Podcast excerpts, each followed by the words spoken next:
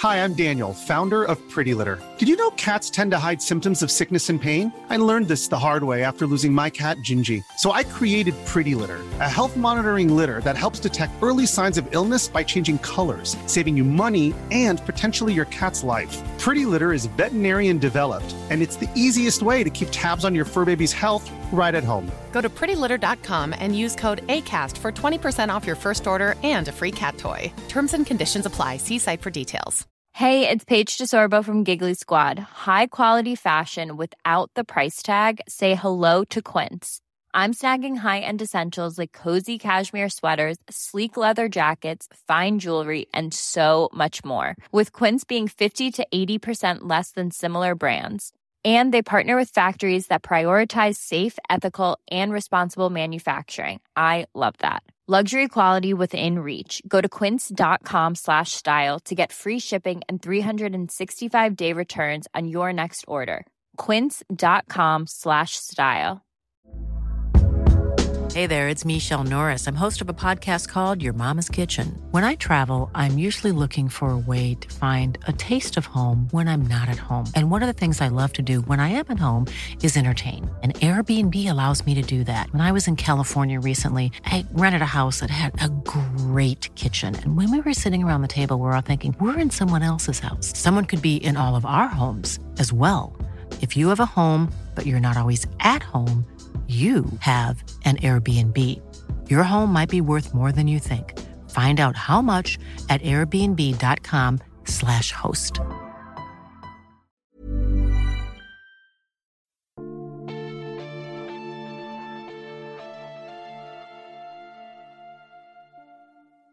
Välkomna till Sagan om Isfolket-podden avsnitt 68 Tornet i fjärran.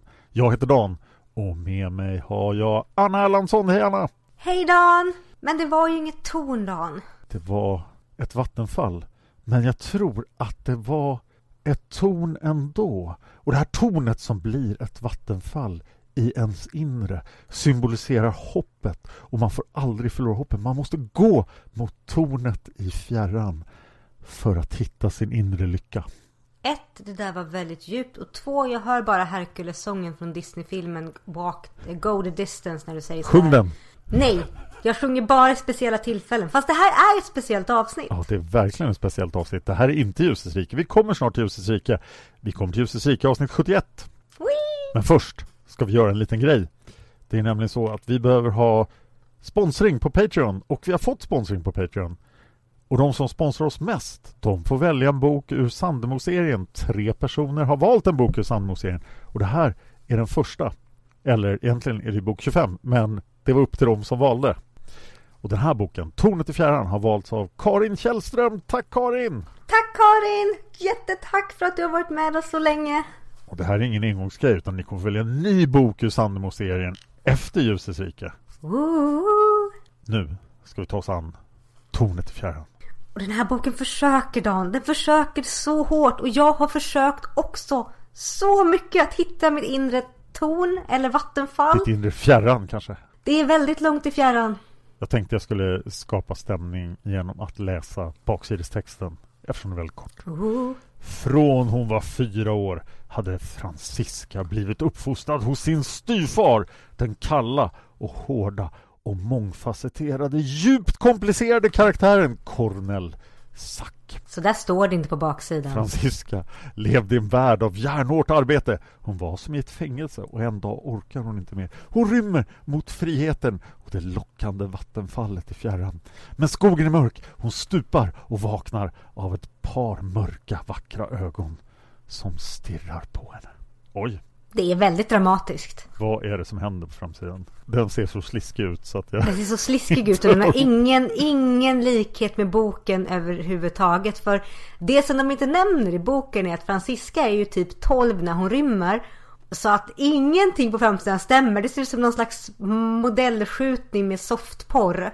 Vem har målat det? Undrar om vi hittar någon som har målat den. Ja, det är ju eh, Agentur Lucerke. Jag tror inte det är någon som har målat den. Jag tror det här är standardbilder. Ja, det kanske är från saker de har refuserat. Kan vi också tala om att han har en ringbrynja direkt på huden. Och det gör superont att ha den direkt på huden. Och Det är väl ingen ringbrynja som nämns någonstans. Är det där verkligen ringbrynja? Det ser ut som en uh, sån här spännkofta man hade på 80-talet. Det är antingen en spännkofta eller en väldigt urringad ringbrynja som går hela vägen ner till naven nästan på honom. Just urringade ringbrynjor låter ganska dumt om det ska vara en rustning. Jättedumt. Jag vet liksom inte vad vi gör med omslaget men som vi vet med Sandemo-serien så omslagen här är sämre än i Isfolket och Häxmässan och allt vi ser. De som har satt omslagen har inte läst en enda sida i böckerna. Det är allt jag kan säga. Jag har flera frågor om den här boken. Mm -hmm. I min bok står att den är copyright 83 och 93. Men den kan ju rimligtvis inte ha kommit ut 83. Margit kan inte suttit och skrivit den här samtidigt som hon skrev Isfolket. Bara, jag, jag, jag skriver så mycket, jag hinner liksom ha lite tid över. Jag skriver den här också. Eller? Det står 83 och 93 på min också. Jag är, eh, med tanke på hur produktiv Margit faktiskt var och hur snabbt hon spottar ur sig böcker. Så kan jag tänka mig att, jag kan verkligen se Margit tänka Jaha, nu var jag klar med isfolket. Jag har ju en massa historier som inte passar in. Ska jag skriva lite mer böcker? Ja men det tar jag och gör. Det blir skön avkoppling på en fredagskväll. Jag har en alternativ hypotes. Mm -hmm. Jag misstänker att det här kan vara en gammal följetong. Oh, som gick i någon dagstidning? Ja, som gick i Allers och, eller liknande. Så här, de här magasinen som Margit brukade skriva i. Det stämmer ju, för många av Sandemo-böckerna har ju getts ut i en utgåva som heter Allers. Men jag vet att många av er lyssnare kan sådana här saker, så ni får berätta, var gick den här ursprungligen? Ja. Och det gäller även de två andra som kommer nu, som hette då Jungfrun i Dimmornas skog och, vilken var den tredje? Häxmästarens borg. Ja, de vill vi också veta var de gick. Ja. Gör oss klokare, kära lyssnare. Nästa fråga jag har är, var är vi och när är det? Uh, på den första frågan säger jag pass, på den andra frågan säger jag äh. Jag tror, och det här kom långt in i boken, hon har en bahytt på sig. En form av hatt. Och den är lite grann i Regency-era, vilket placerar oss i början av 1800-talet. Men hennes klänning är väldigt formsittande när, längre in i boken. Vilket inte passar in på Regency-eran där de hade klänningar som slutade, som, var, som, som hade intagningar precis under bysten och sen var formlösa. Så jag vet inte, men jag skulle nog tänka mig att placera det här någonstans i 1700-talet. Ungefär. Jag gissade typ 1830 i Balkanisch, Österrike, mm. Ungern någonstans där. Men folk heter ju helt olika saker med namn som har helt olika bakgrunder. Hade det inte varit för klänningen, att den är väldigt tajt åtseende, så hade jag också lagt den 1830. Men klänningarna då, i och för sig i Frankrike, England, var inte, var inte av det stuket. Så det är därför jag lägger 1700-talet. Men jag vet inte. Jag kan ju säga direkt att det inte blir någon historisk hörna eftersom vi inte vet var vi är någonstans. Och det känns så olikt Margit. Nu har jag inte läst så mycket Sandemo-serien. Det kanske är så här rätt ofta men jag blir ändå förvånad att vi inte får veta någonting egentligen. Nej, jag blir också förvånad för vanligtvis brukar det vara hyfsat lätt att pinpointa vart i tiden vi är. Men som sagt, det tog mig nästan hundra sidor in innan jag kunde vara så här, jaha, men Bahytte borde det vara här. Fast klänningen är åsiktande Och då, då blev det 1700-talet för mig. Men det är konstigt. Men jag skulle säga någonstans också någon slags Balkan. Ungefär. Hade vi läst uh, lite i boken innan då hade vi kunnat ställa den här frågan i våra frågor. Men mm. det är inte så vi uh, opererar. Nej, det är inte så vi jobbar. Vi gissar oss. Men ska vi slänga oss in i den här boken då när vi får gissa oss vidare? Ja, vi gör det. Alltså det börjar ju väldigt dramatiskt här. Vi har ju den här vad, vad ska du kalla honom? Mångfacetterade onda snubben Cornel Sachs som sitter där och läser brev med sina närsynta ögon och inser att hans fru har inte testamenterat några pengar till dem alls. Och då bestämmer han sig för att hans dotter, för det är hans dotter, eller är det hans styvdotter? Jag får inte fason på detta. Det är hans styvdotter. Får vi reda på sen för att den riktiga pappan dog ju och då blev eh, Franciscas mamma så traumatiserad att hon inte kunde välja vettiga karlar längre. Så var det, tack. Och då bestämmer man sig för att Istället för att döda henne, för det kan han inte göra för att han, då får han inga pengar. Och istället för att låta henne uppfostras så att hon blir någonting bra, vilket han inte heller vill för han vill alla pengar, så ska han låta henne slavas som tjänsteflicka för alltid och plågas och torteras. Och är inte det här ren ondska så vet jag inte vad det är. Jag har försökt förstå Cornel Sack och få någon slags sympati för honom, men han är Nej. den plattaste Margit-skurk jag har sett. Han är ju helt igenom jätterutten och man vill bara att det ska gå dåligt för honom. Men eftersom man inte har någon personlighet överhuvudtaget så, så bryr man sig inte så mycket heller. Nej, och han är inte med så mycket för att hans betjänt Bela får ju större utrymme. Det enda jag vet om Kornasaka är att han är ond, ond, ond och eh, är närsynt. Bela är väl ett typiskt ungerskt namn. Så det kanske är Ungern ändå. Ja, det kan vara Ungern ja. Det har du rätt i. Men Franziska? jag tror inte vi kommer lösa det här nu. Vi fortsätter med den spännande handlingen. Okej, nu ska Franziska vara tjänarflicka i hela sitt liv och om 17 år kommer en advokat och tittar på om läget är okej och då får hon alla pengar och Konesak får 10 000 dollar pengar, franc, Ja. pesos. Men han tänker döda henne så att, eh, ja. För så ond är han. Han tänker döda alla. Det verkar vara hans generella lösning på alla problem. Ja, och Franziska förstår ju ingenting och hon är så liten så hon slavar på och sen så i en rymningsscen som hade kunnat bli dramatisk men som hela hennes första nio år snabbspolar vi på två sidor till att hon rymmer. Och också på två sidor får vi reda på att hon springer mot det här tornet i fjärran som är hennes glittrande sagoslott någonstans. Två sidor då! Två sidor får vi. Det är ju tyvärr inte enda gången den här boken gör sig skyldig till snabbspolning heller. Nej, och jag, jag vill säga kära lyssnare att jag försöker. Och jag älskar Margit mer än någon annan författare. Men i den här boken är det mycket, mycket, mycket jag inte kan förlåta henne för. Nu vill jag prata lite om Cornel Sachs plan. Ingen får ju känna till det här. Så att han tänker leva då Han sparkar allt tjänstefolk, anställer en massa skurkar. Och det var väldigt mycket skurkar han lyckades få tag på på väldigt kort tid. Ja, det verkar vara mycket skurkar i området. Och vi ser ungefär hur rekryteringsprocessen går till sen. Men sen ska han sitta och häcka i det där slottet. Eller han åker väl iväg och gör domargrejer kanske han gör. Men hans enda vän är den där polismästaren i byn. Och ingen vet vad som händer på hans slott. Det låter som att han har fruktansvärt tråkigt i 17 år. Eh, ja, han verkar inte heller skaffa sig någon ny fru eller något sånt. utan Han bara, han bara sitter där och väntar sig. Snart får jag mina pengar. och plågar Franziska förstås. ja och plågar Francisca och ingenting verkar bli...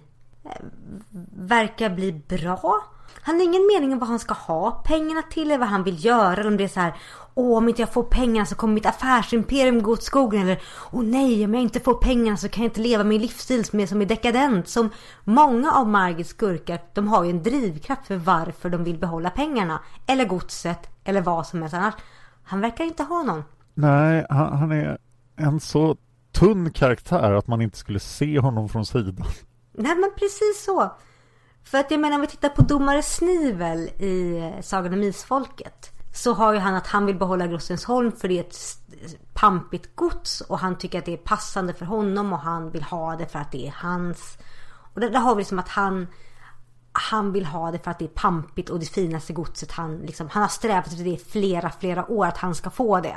Här får vi ingenting och jag förstår liksom inte vad det är han är ute efter. Ska han bara sitta där som en tjock padda på, på ett hög av guld och vara så här, jag har allting. Han har inte ens fått så mycket karaktärsteckning att vi vet att han är tjock. Nej, det är inget fel om han hade varit tjock men just nu känns det bara som att jag vet inte ens hur han ser ut Dan! Jag vet mer om betjänten! Jag tänkte på Snivel ganska många gånger i det här.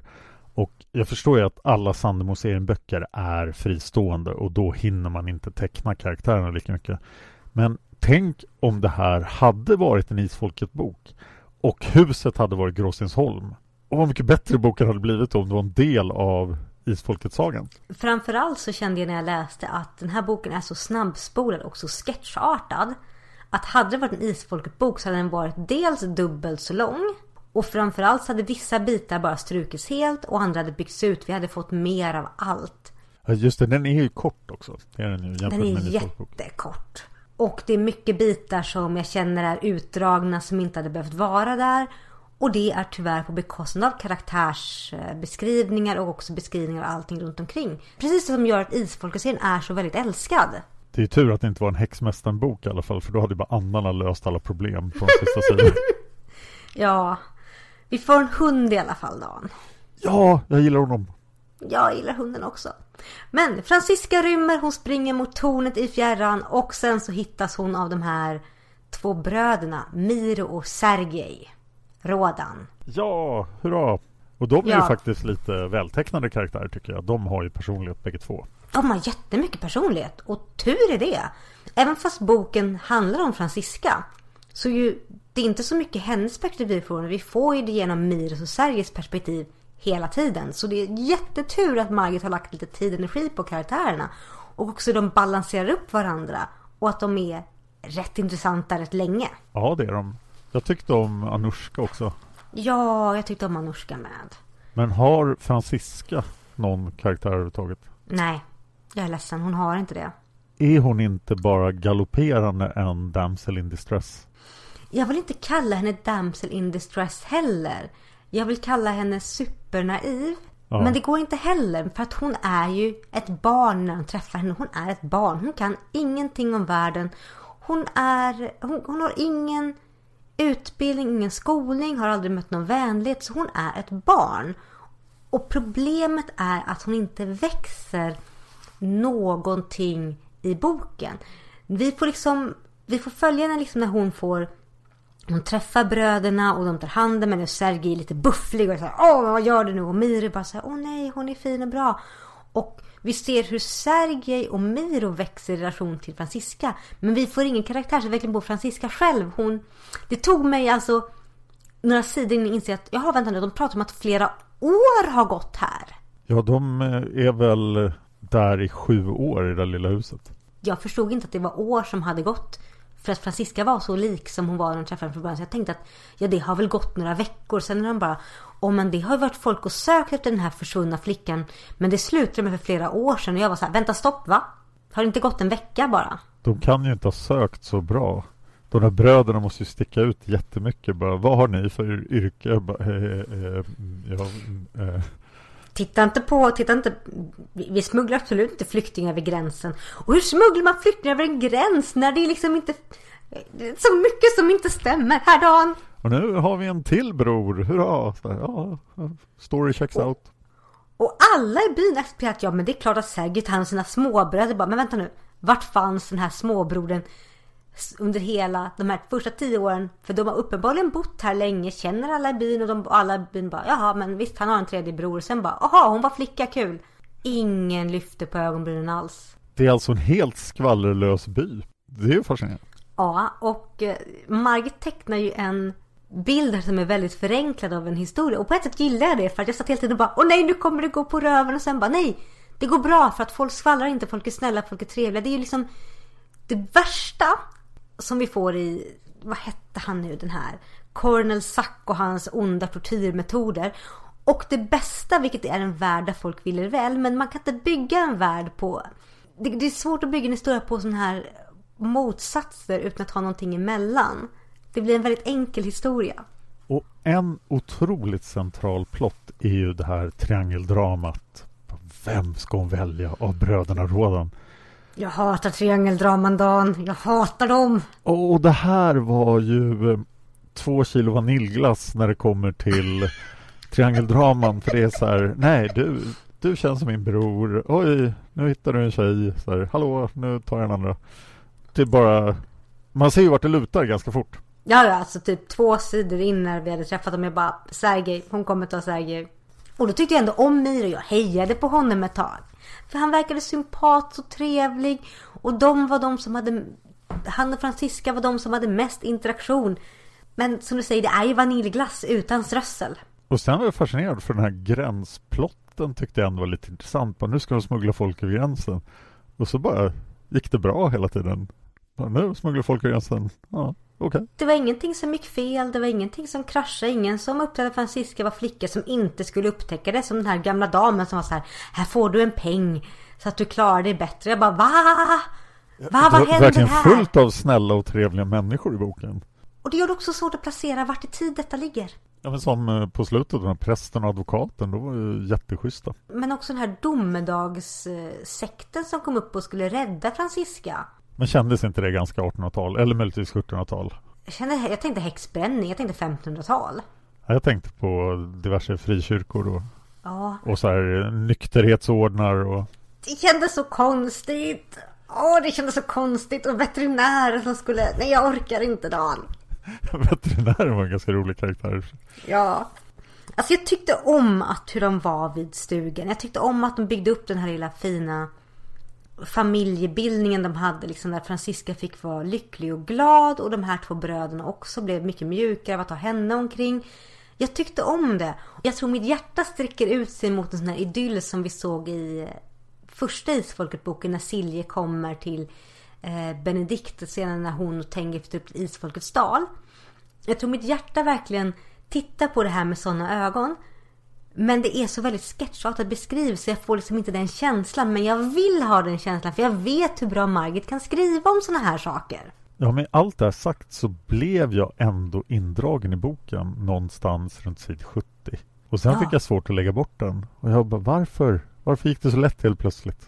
Men Ja men jag hade exakt samma upplevelse. För jag satt där och var såhär, åh det här är jobbigt. Och sen så, jag kunde inte sluta. Jag bara satt och bläddrade och läste. Och jag bara slukade den och sen var den slut. Och jag bara, men oj vad hände? ja, och det måste ju vara Margits skicklighet helt enkelt. Ja, för att efter 30 sidor in kände jag bara att den här boken är sketchartad. Karaktärerna är platta. Jag förstår mig inte på Francisca. Jag får ingenting ut av henne. Och jag kan ändå inte sluta läsa Dan. Jag kan inte sluta. För att jag, jag blir fångad av historien. Jag blir fångad av vad kommer hända. Även fast jag kunde räkna ut på två röda att hon kommer plocka Sergej. Det kommer bli dem i slutet. Så vill jag ändå se.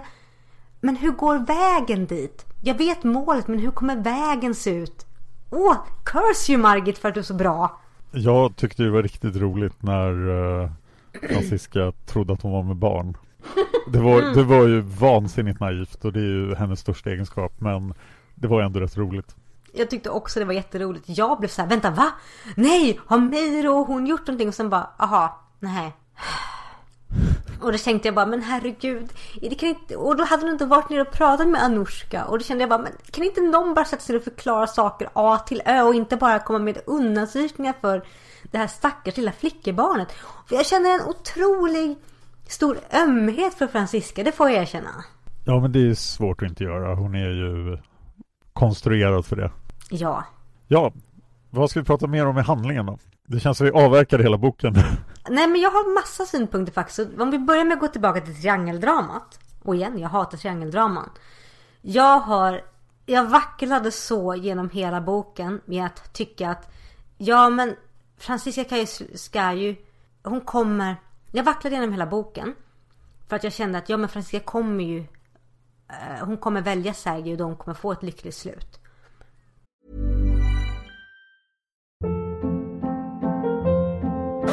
Hold up. What was that? Boring. No flavor. That was as bad as those leftovers you ate all week. Kiki Palmer here, and it's time to say hello to something fresh and guilt-free. Hello Fresh. Jazz up dinner with pecan-crusted chicken or garlic butter shrimp scampi. Now that's music to my mouth. Hello Fresh. Let's get this dinner party started. Discover all the delicious possibilities at hellofresh.com.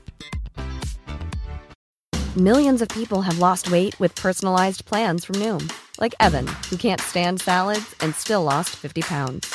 Salads, generally, for most people, are the easy button, right? For me, that wasn't an option. I never really was a salad guy. That's just not who I am. But Noom worked for me. Get your personalized plan today at Noom.com. Real Noom user compensated to provide their story. In four weeks, the typical Noom user can expect to lose one to two pounds per week. Individual results may vary. Hiring for your small business? If you're not looking for professionals on LinkedIn, you're looking in the wrong place. That's like looking for your car keys in a fish tank. LinkedIn helps you hire professionals you can't find anywhere else, even those who aren't actively searching for a new job but might be open to the perfect role. In a given month, over 70% of LinkedIn users don't even visit other leading job sites. So start looking in the right place. With LinkedIn, you can hire professionals like a professional. Post your free job on linkedin.com slash achieve today. Men jag vacklade jättemycket. För jag kunde inte bestämma mig om jag tyckte det här var en bra idé eller inte. På den bra sidan har vi lite senare i boken och märker att okej, de är vuxna människor, de tycker om varandra, det är det här som händer. På den dåliga sidan har vi det här med att han har tagit hand om henne och hon är jätteung och han betraktas som en fadersfigur. Jag orkar inte! Jag orkar inte. Och jag blir så här... Nej, det är så, jag, jag liksom... Ja, Dan. Ge mig orden. Jag råkade tjuvtitta på några av våra kloka läsares kommentarer. Jag tror att det där är en sak de kommer att ta upp. Men Dan, hur kan du? Ja, det bara hände. Jag öppnade Isfolket-forumet och då är det alltid så fascinerande vad folk har skrivit där. Isfolket.se, klicka på Isfolket-forumet. Det är där vi vill ha kommentarer för böckerna. Och just nu vill vi ha kommentarer för då, ska vi se om jag kommer ihåg titlarna. Prinsessan från Dimmornas skog. Jungfrun i Dimmornas skog. Så var det. och Häxmästarens borg. Ja. Nej men alltså med den här triangeln, med den här dynamiken mellan Sergej och Franziska. Jag vacklar för en del är mig så här, åh fadersfigur. När hon somnar i hans knä inne på Ösön. Då känner jag bara, men det här är fint, det här är bra, det är en fadersfigur. Jag vill se dem växa närmare, jag vill se honom vara en jättefin fadersfigur. Och sen blir jag så här, men vänta. Det, de kommer ju förmodligen bli ett par. Inser någon med hjärnan. Jag kände så här, fast nej, det blir jättejobbigt okej okay. och så nu så börjar hon känna saker för honom och samtidigt är jag så här, men Francisca du är typ du har ingen livserfarenhet, du är så naiv. Okej, okay, det är inte första man du träffar för du har uppenbart försökt kyssa Miro och det kändes som en bror. Okej, okay, bra. Men vad är det med den här fadersfiguren och vad är det med dig och är det dad you issues fast din far är... Jag, jag kan liksom inte få fason på det. Jag tycker...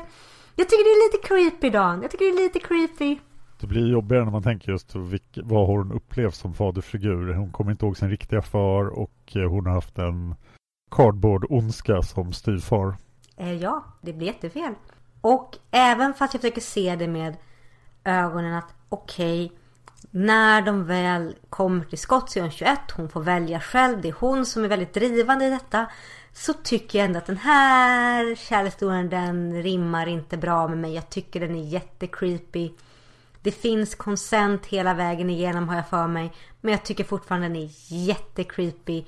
Och det är synd för Sergej är, verkar vara en hyven snubbe på väldigt många sätt som ändrar sig. Ja, han har ju som sagt lite karaktärsutveckling. Eh, ja, Francisca har ingen alls. För att jag får inte följa henne hur hon blir.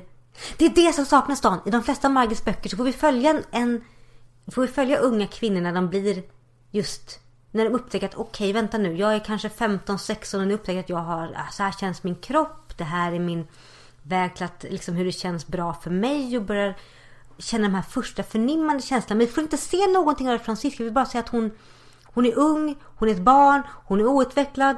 Sedan så plötsligt har hon bröst och höfter och det är de som märker det. Och sen så får vi inte i hennes tankar. Så jag känner bara att ja men nej!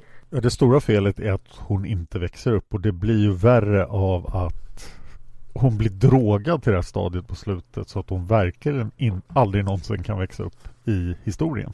Nej, vi får aldrig någon scen där hon bara så här, Nej, jag vill inte att du gör så här och jag tar min plats och du har torterat mig i flera år så nu åker du i finkan, baha! Hon är jättepassiv genom hela boken. Ja. Och det är nog därför jag tycker att deras kärlekshistoria är väldigt, väldigt skum. För när det kom till när det kom till skott att de faktiskt, jag tror de hade sex någon gång. Hade de? Ja, jag tror det. Det kändes väldigt eh, underförstått. Jag var så här, men, men okej, okay, han, han lät handen vandra på hennes kropp. Typ. Ja, och jag tror att det var där de hade sex, men jag är inte helt säker. Men jag kände bara, åh gud, nej, sluta!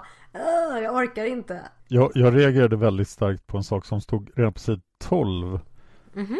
Att eh, de kan se på Franciscas drag hur ädel hon är. Den nedärvda ansiktsdragen då som, som visar att hon är mycket finare än vad de är. Det, det kändes jättemärkligt. Det nämns ju andra ställen på böckerna också här. Ett sånt ansikte får man inte förut om man inte varit generationer av renrasighet. Jag bara nej, gick vi dit så snabbt? Vad obehagligt allting blev. Generationer och inavel möjligtvis. Ja, och vi vet att, eh, kära lyssnare, att generationen av inavel gav inte renrasiga drag. Det gav eh, galenskap om man tittar på spanska historien i alla fall. Men det här var ju inte heller några högadelsfamiljer så jag förstår inte vad, de, vad, vad boken pratar om ens. Nej, och det kommer ju fram i slutet att hennes morfar var en, en av de här självstyrande adelsmännen som jag tror kan översättas till greve eller hertig eller liknande i moderna termer. Men hennes pappa var ju ofrälst så att ingenting stämmer riktigt här. Nej. Nej. Jag, jag tycker det är väldigt bra i alla fall att vi har Miro och Sergej som får vara en väldigt handfast, trygg och jordisk bakgrund till den här bakgrunden där Francisca kan fladdra omkring och vara absolut totalt ingenting. För det var ett tillfälle i boken där jag trodde hon skulle få lite personligt. Det var när hon, när hon och Miro diskuterade smugglingen. Hon sa någonting med någon cynisk röst. Jag bara, åh vänta nu, är det karaktärsutveckling som händer? Är det? Och sen bara, nej det händer inte. För då skulle Sergej in och ta ett snack med dem. Och sen fick vi ingenting. Och jag, jag tror att det är det som är ett problem med den här boken. Den här boken är inte så mycket en bok där Margit drar in oss i historien. Vi vandrar bredvid karaktärerna. Utan hon målar upp en bild som vi sitter och tittar på. Ja, lite så känns det. Det var något annat tillfälle också när hon verkade så här, börja bli lite råbarkad och människosmugglare. Men Mm. det blev liksom ingenting av det. Nej, det blev ingenting av det. Nu kom jag på vad som skulle varit en snygg slutkläm. Men det hade kanske varit svårt Mm. att få in. Men att de använde den här enorma herrgården liksom, som en bas för människosmuggling. för det fanns ju ändå någonting gott att göra i den där smugglingen. De, de gjorde det ganska samvetslöst men de reflekterade över att ibland var det en god sak att smuggla folk över gränsen. Ja, och de nämnde någonting som... Just det. Och de nämnde också någonting om människosmuggling jag trodde skulle komma tillbaka. Det var när Sergej stod och reflekterade över att åh, det var något uppror någonting som hände. Och jag bara, men det här kommer ju få impact senare. Och det hände inte. Ingenting hände. Nej, det är ju för att vi aldrig får förklarat för oss vad det är som pågår vid den där gränsen överhuvudtaget. Nej. Så det känns som att Margit tecknar en bild av att det kanske, det, det pågår någonting stort. Men som skulle kunna ha inverkan på historien senare. Men det händer inte. Det är som den här lilla, lilla fina historien som bara händer. Och jag är också lite förvånad så här, men vad gör de med godset sen? Ska de, blir det skola? Blir det utbildning? Det är bara så här, nej. Det lät som att det blev ett hantverksprojekt för Sergej som tydligen helt plötsligt var jätteintresserad av att renovera hus. Lite så. Och att hon fick massa nya vänner från byn. Jag bara, men byn var ju full av jättehemska män. Vad händer här egentligen? Är, det, är det en samma by? I den samma by. Och Miro skrevs ut så väldigt snabbt ur handlingen. Det var så att han åkte till skolan, blev kär i en tjej och sen var det slut. Och så fick han en dotter som heter Francisca. Hurra! Ja. Och det är det som jag känner med den här boken, att den är... Det, det är en väldigt fängslande historia. Jag, både du och jag kunde inte lägga ifrån oss boken. Och det finns bra tillfällen i den som jag hade velat se utvecklas mer. Men den är så sketchartad så jag knyter inte an till någonting. Och det, problemet är att Francisca inte funkar. Jag knyter mer an till hunden än vad hon, än till henne. Ja, hunden var ju bra i alla fall. Mm. Eh, vill du tillägga någonting mera om eh, Tornet i fjärran? Nej, nog med att det är så här, tornet i fjärran var inget torn, det var ett vattenfall och det här kanske inte var en... Det här är en historia som har potential men det är inte så storslagen som den skulle kunna vara. Nej, jag tror att dess rätta hem hade faktiskt varit i, i Folkets sagan på något sätt. Det kunde ha varit bok. Ja. Så att det blev 48 böcker istället. Ja, och då hade kanske Margit fått lite mer utrymme att bara bygga ut den, göra lite vettigare saker av den. Ja, nej jag har inget mer att tillägga Dan. Jag, jag, nej, det, det här, den här boken var svag. Och jag, jag köper inte kärlekshistorien, den gör mig bara bla, bla, bla, bla, bla, bla, bla. Ska vi se vad våra kära lyssnare har att säga om eh, Tornet i fjärran? Ja! Först eh, bad jag Mika att skriva någonting här så vi skulle komma ihåg att prata om det. Men vi kan ta det sist. Mhm.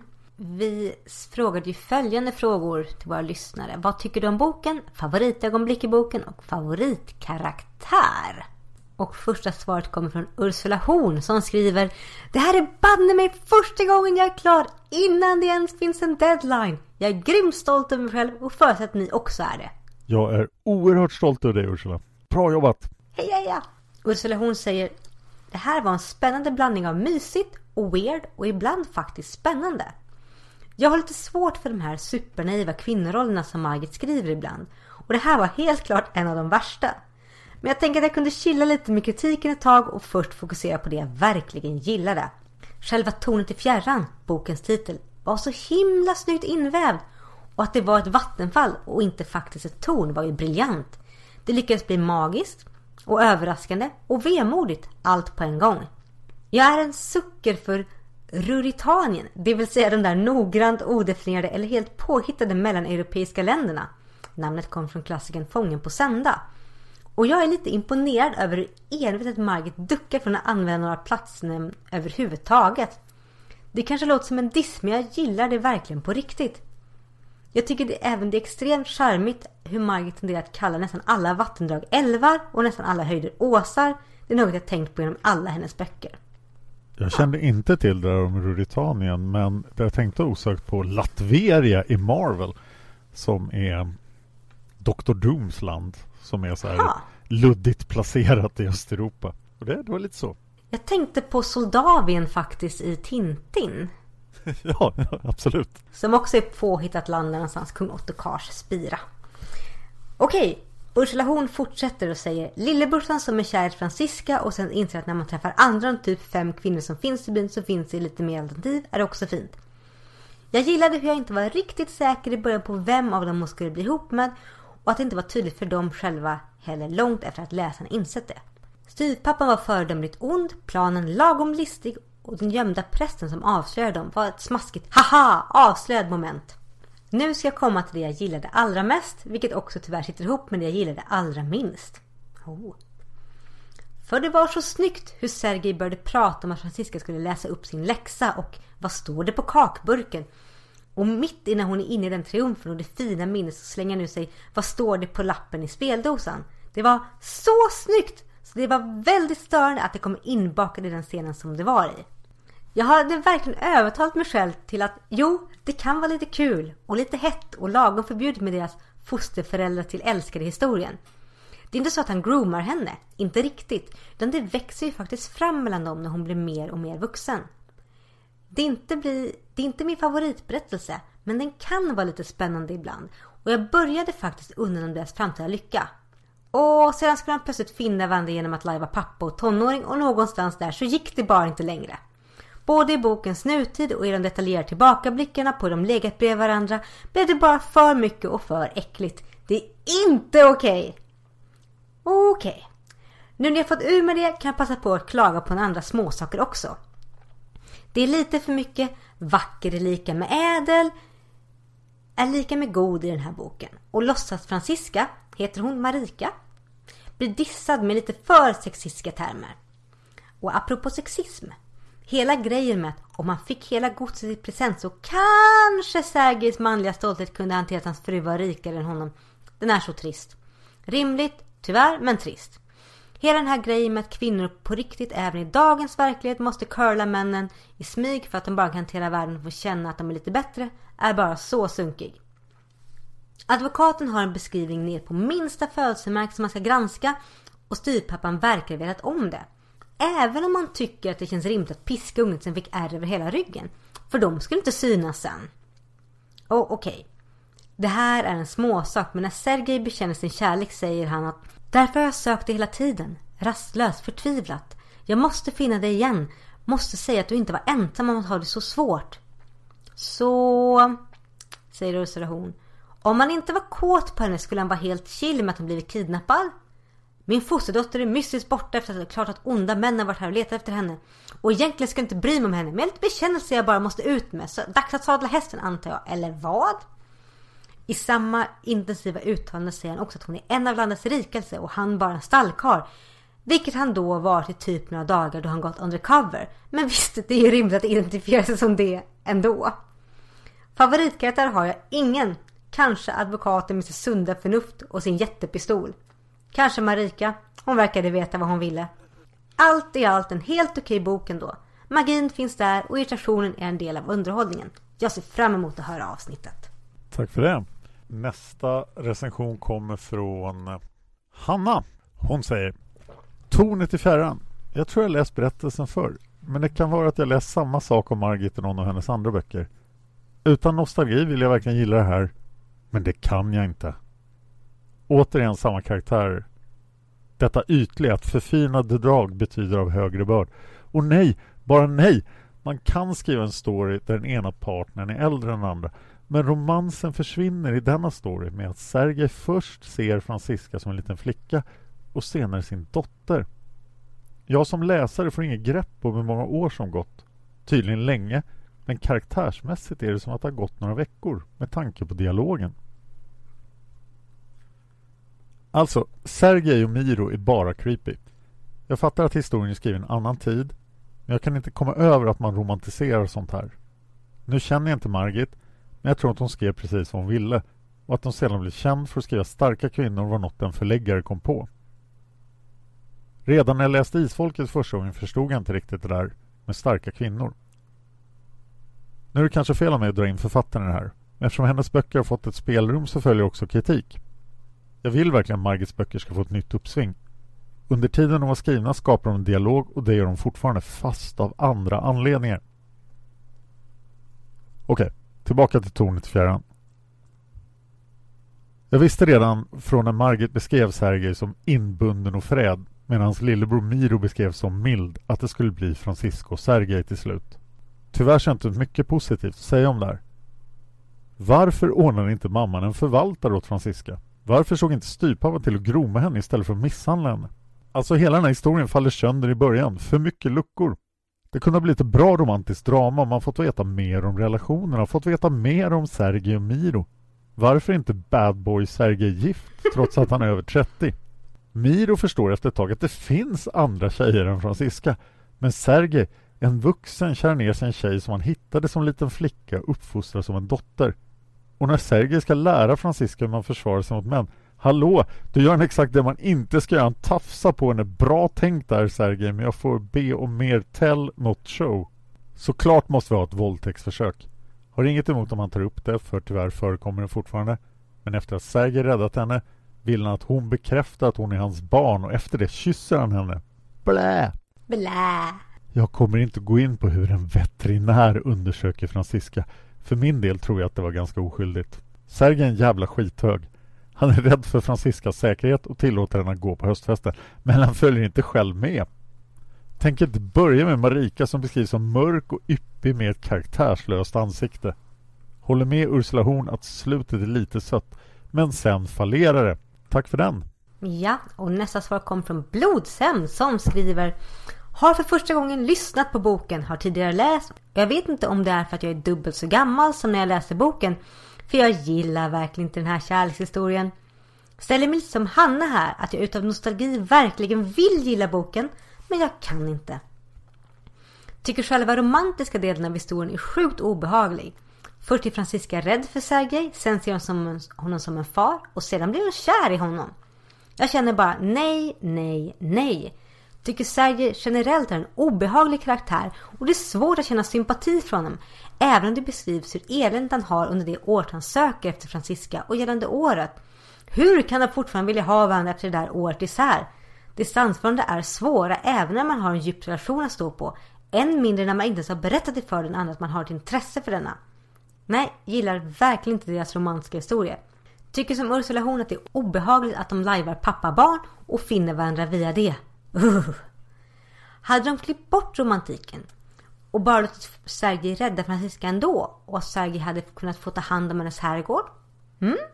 Annars tycker jag att historien är väl skriven.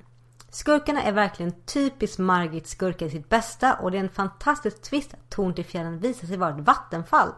Det är så smart skrivet och den delen hade jag glömt bort så jag fick mig en god överraskning. Min favoritkaraktär är Miro. Han verkar vara en sympatisk ung man. Mycket bättre än sin bror.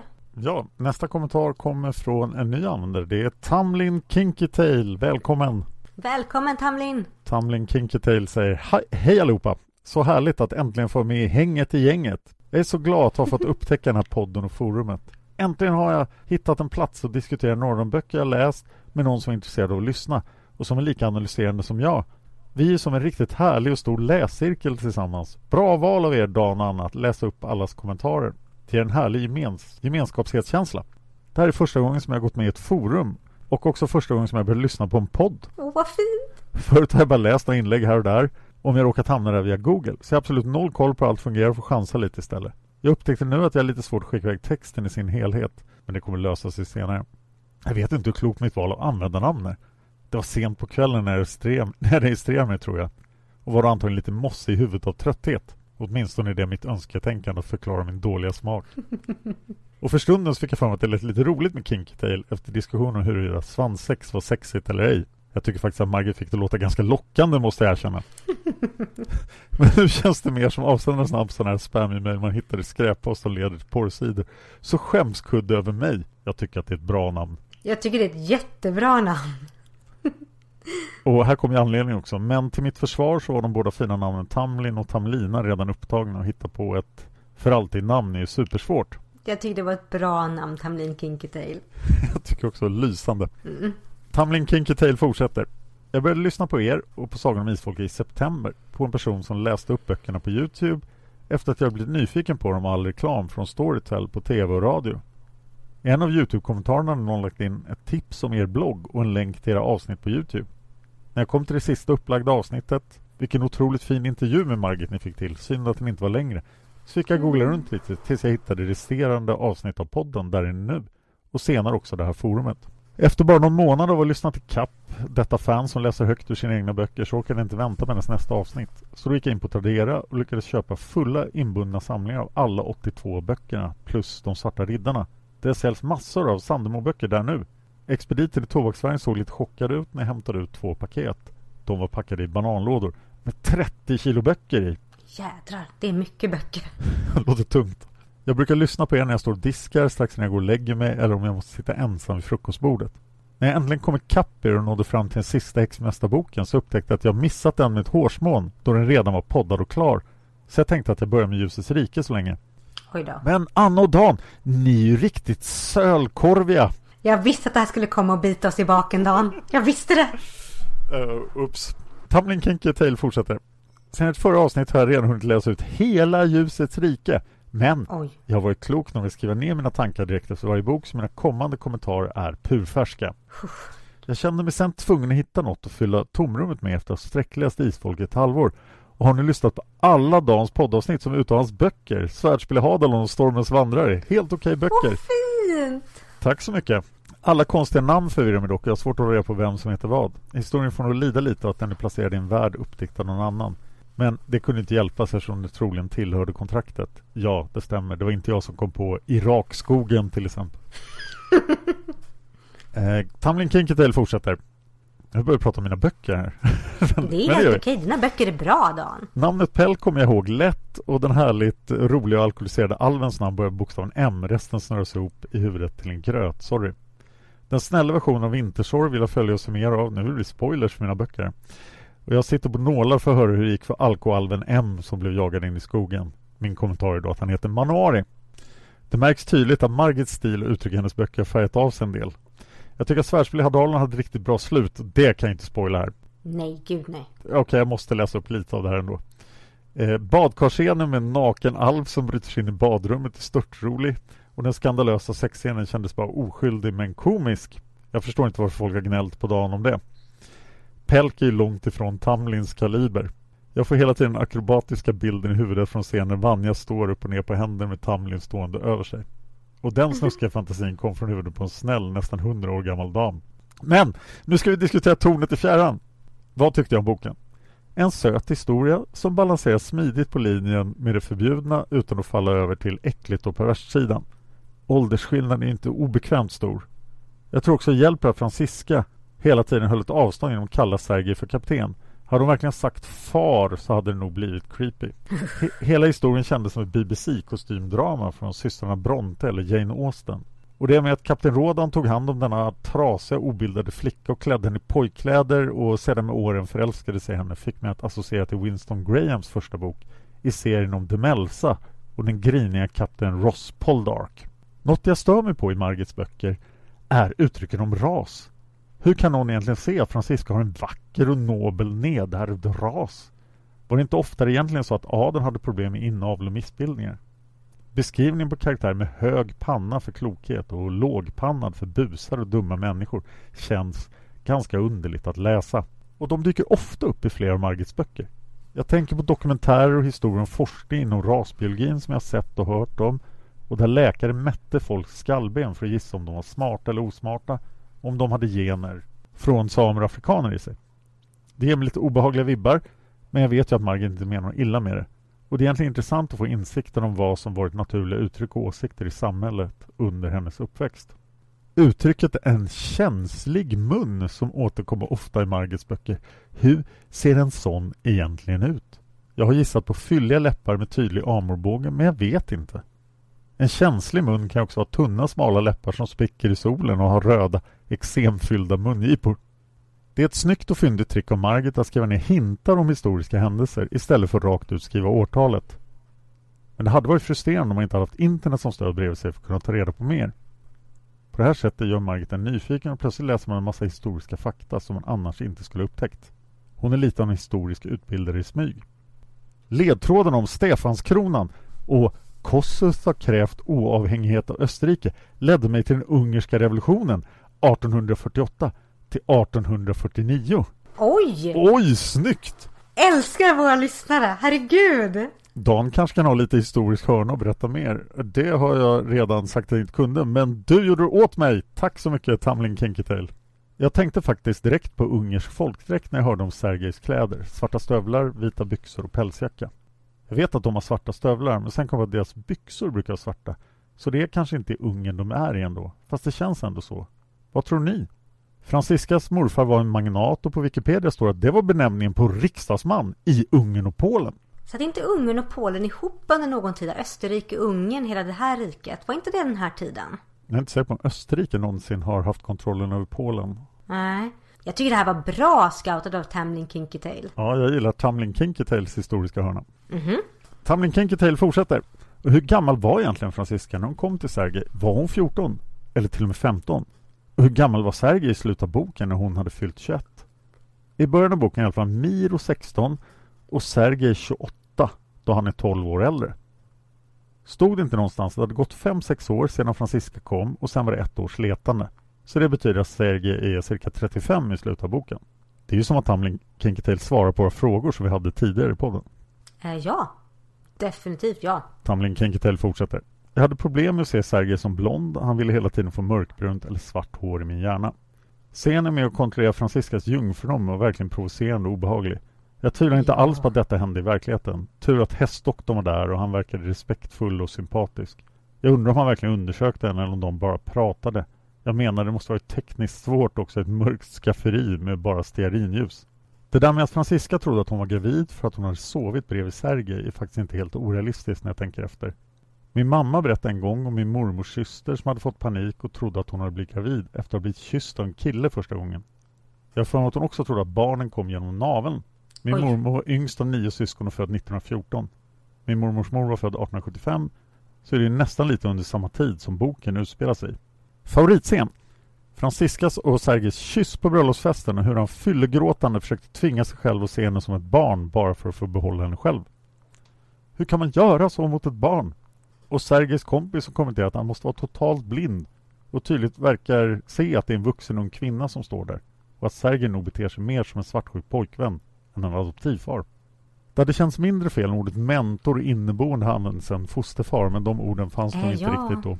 Hehe, Det är lite roligt ändå att det är killen som har supits full blir utnyttjad istället för det vanliga tvärtom. Sedan gillar jag när de ligger i soffan i slutet och Sergej lurar Francisca att säga hans namn. Vad står det på lappen i speldosan?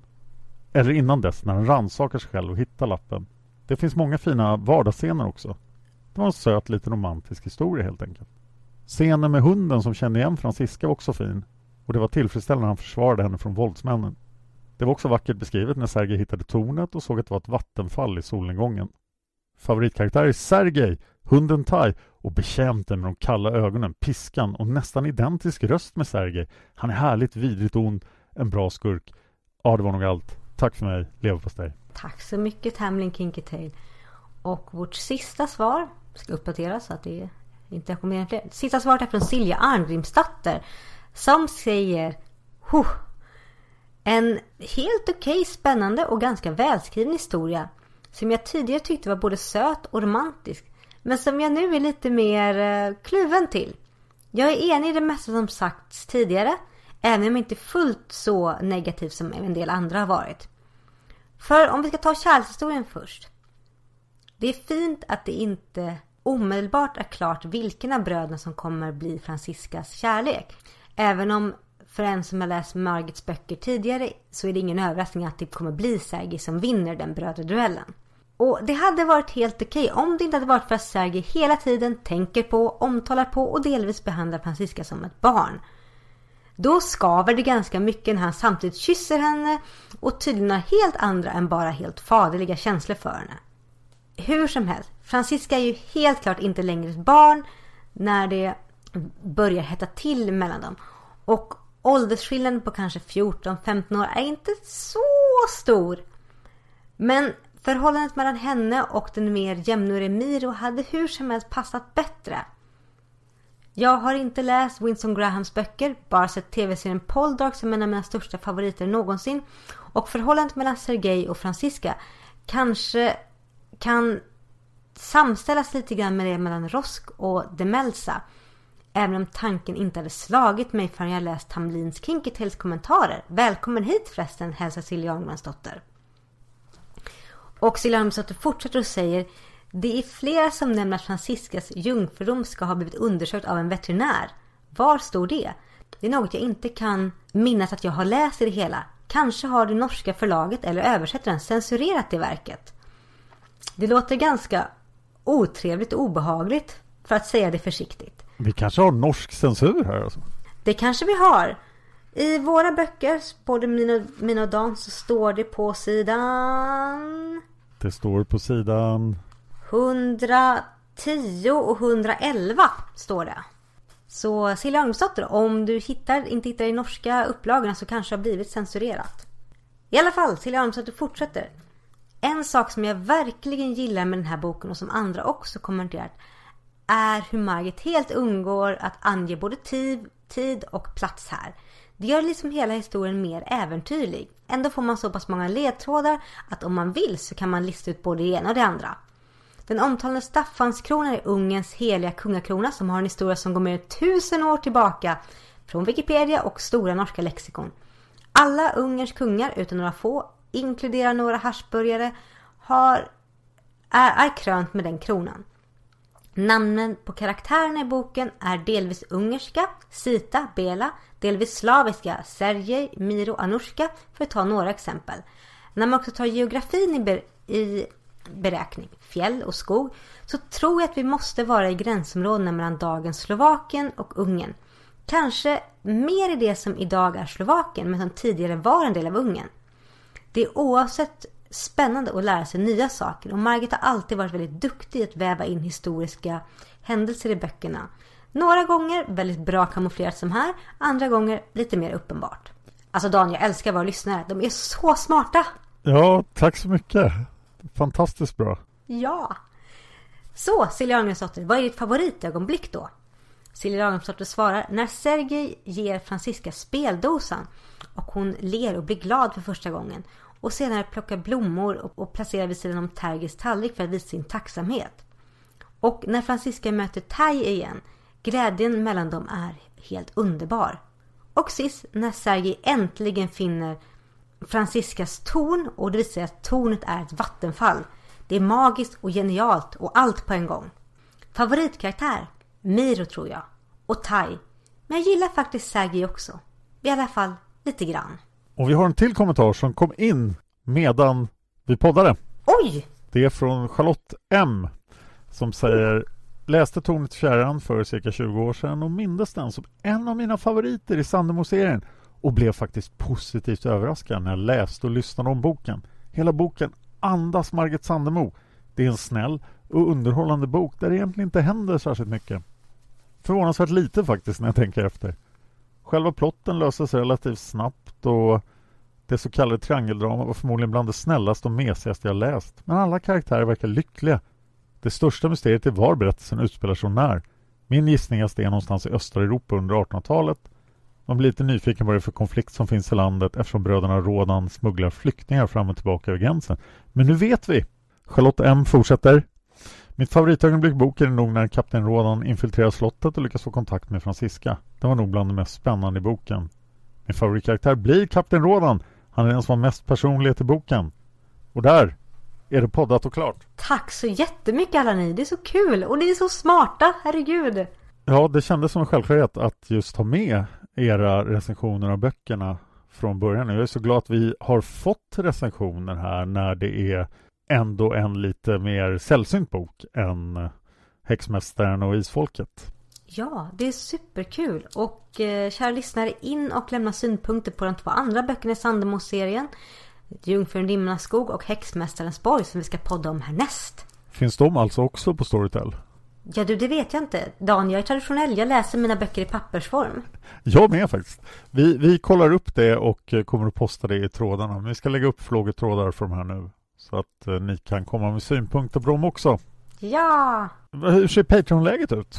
Patreon-läget ser bra ut Dan. Vi ska ta en rapport och se vart vi ligger. Oj, nej, det är inte bra Dan. Vi har fallit under hundra. Oj, ni får inte ge upp på oss nu. Vi lovar att vi kommer till ljusets rike. Vi vet att vi är långsamma och eländiga. Ja, till vårt försvar har det varit väldigt, väldigt bråda månader. Så, kära lyssnare, gå gärna in och stötta så vi kommer upp under 100 för vi kommer bara podda om, ljusets rike när vi ligger över 100 och om vi håller oss över 100. Precis, men vi kommer definitivt att podda om eh, nu ska vi se om jag kommer ihåg den. Häxmästarens borg och eh, prinsessan i dimmornas Jungfrun Dan! Jungfrun i dimmornas skog. Grevinnan i dimmornas eh, matbod. Dan, nu får du utvisning. Dimhertiginnan eh, på Svalbard. Okej, nu får du utvisning mer. Fy Dan. Ja men det är bra, då, då är utvisad fram till att vi gör nästa avsnitt. Ja, men innan det ska vi tacka våra Patreons. För vi har ju, även om vi sjunkit under 100 så har vi fortfarande så många underbara människor som stöttar oss. Så vi vill tacka. Huh, och det här blir långt. Elaine Annasdotter. Kickan Ahlström. Jenny Johannesson. Elin Olausson. Elin. Johanna Gustafsson. Anna Järedal. Mia Westerberg. Josefin Westman. Lisela Liselott Andersson. Hanna Eriksson. Aidan L Rydhammar. Ingrid Johansson. Julia Mason. Eva Martinsson. Solveig Gudnardotter. Desiree Lindmark. Magnus Rask. Yes. Maria Andersson. Mystika Ferry. Alba Lundström Ramirez. Hanna Naversjö och Karin Källström. Tack så jättemycket för att ni stöttar oss. Tack så supermycket. Det är fantastiskt att vi har, nu är vi inne alltså på sjätte året med den här podden. Ja, och vi ska försöka få upp tempot lite mer. Vi lovar ingenting, men kanske. Var försiktig med vad vi lovar. Är vi klara? Det är vi och jag tror de faktiskt bestämt att nästa bok, jag tror det blir Häxmästarens borg faktiskt. Häxmästarens borg är nästa bok. Mm. Så in och läs, lämna synpunkter på forumet och vi kommer snart tillbaka. Men tills vi återses, Dan, var kan man hitta mer av dig? Ja, just nu kan man faktiskt, är det otroligt svårt att hitta mig för jag har en eh, social mediasemester ända fram till den 26 april. Så nu går det inte att hitta mig. Var kan lyssnarna hitta mer av dig, Anna? Man kan hitta mig överallt på sociala medier. Jag finns på Instagram som Sesunaseras. Där får ni jättegärna gå in och följa mig. Jag har en Facebook-sida, Sesunaseras. Ni får jättegärna gå in och likea den sidan. Och jag finns på Twitter som Anna Seras. Så välkommen in och följ mig där. För jag har ingen sociala medier-paus. Men om man vill någonting med, eh, till någon av mina poddar så finns det alltså folk som svarar där ändå. Mm. Så skriver ni till Isfolkets sidan så kommer vi få reda på det förr eller senare. Precis. Vad kul! Häxmästarens borg. Då kör vi! Ja! Det här ska bli jättespännande Dan. För jag har ju inte läst de här böckerna. Ah! Nej, jag hade ju faktiskt läst några Sandemo-serier men ingen av dem som valdes. Så det är helt nytt för mig också och det är jätteroligt. Det är spännande.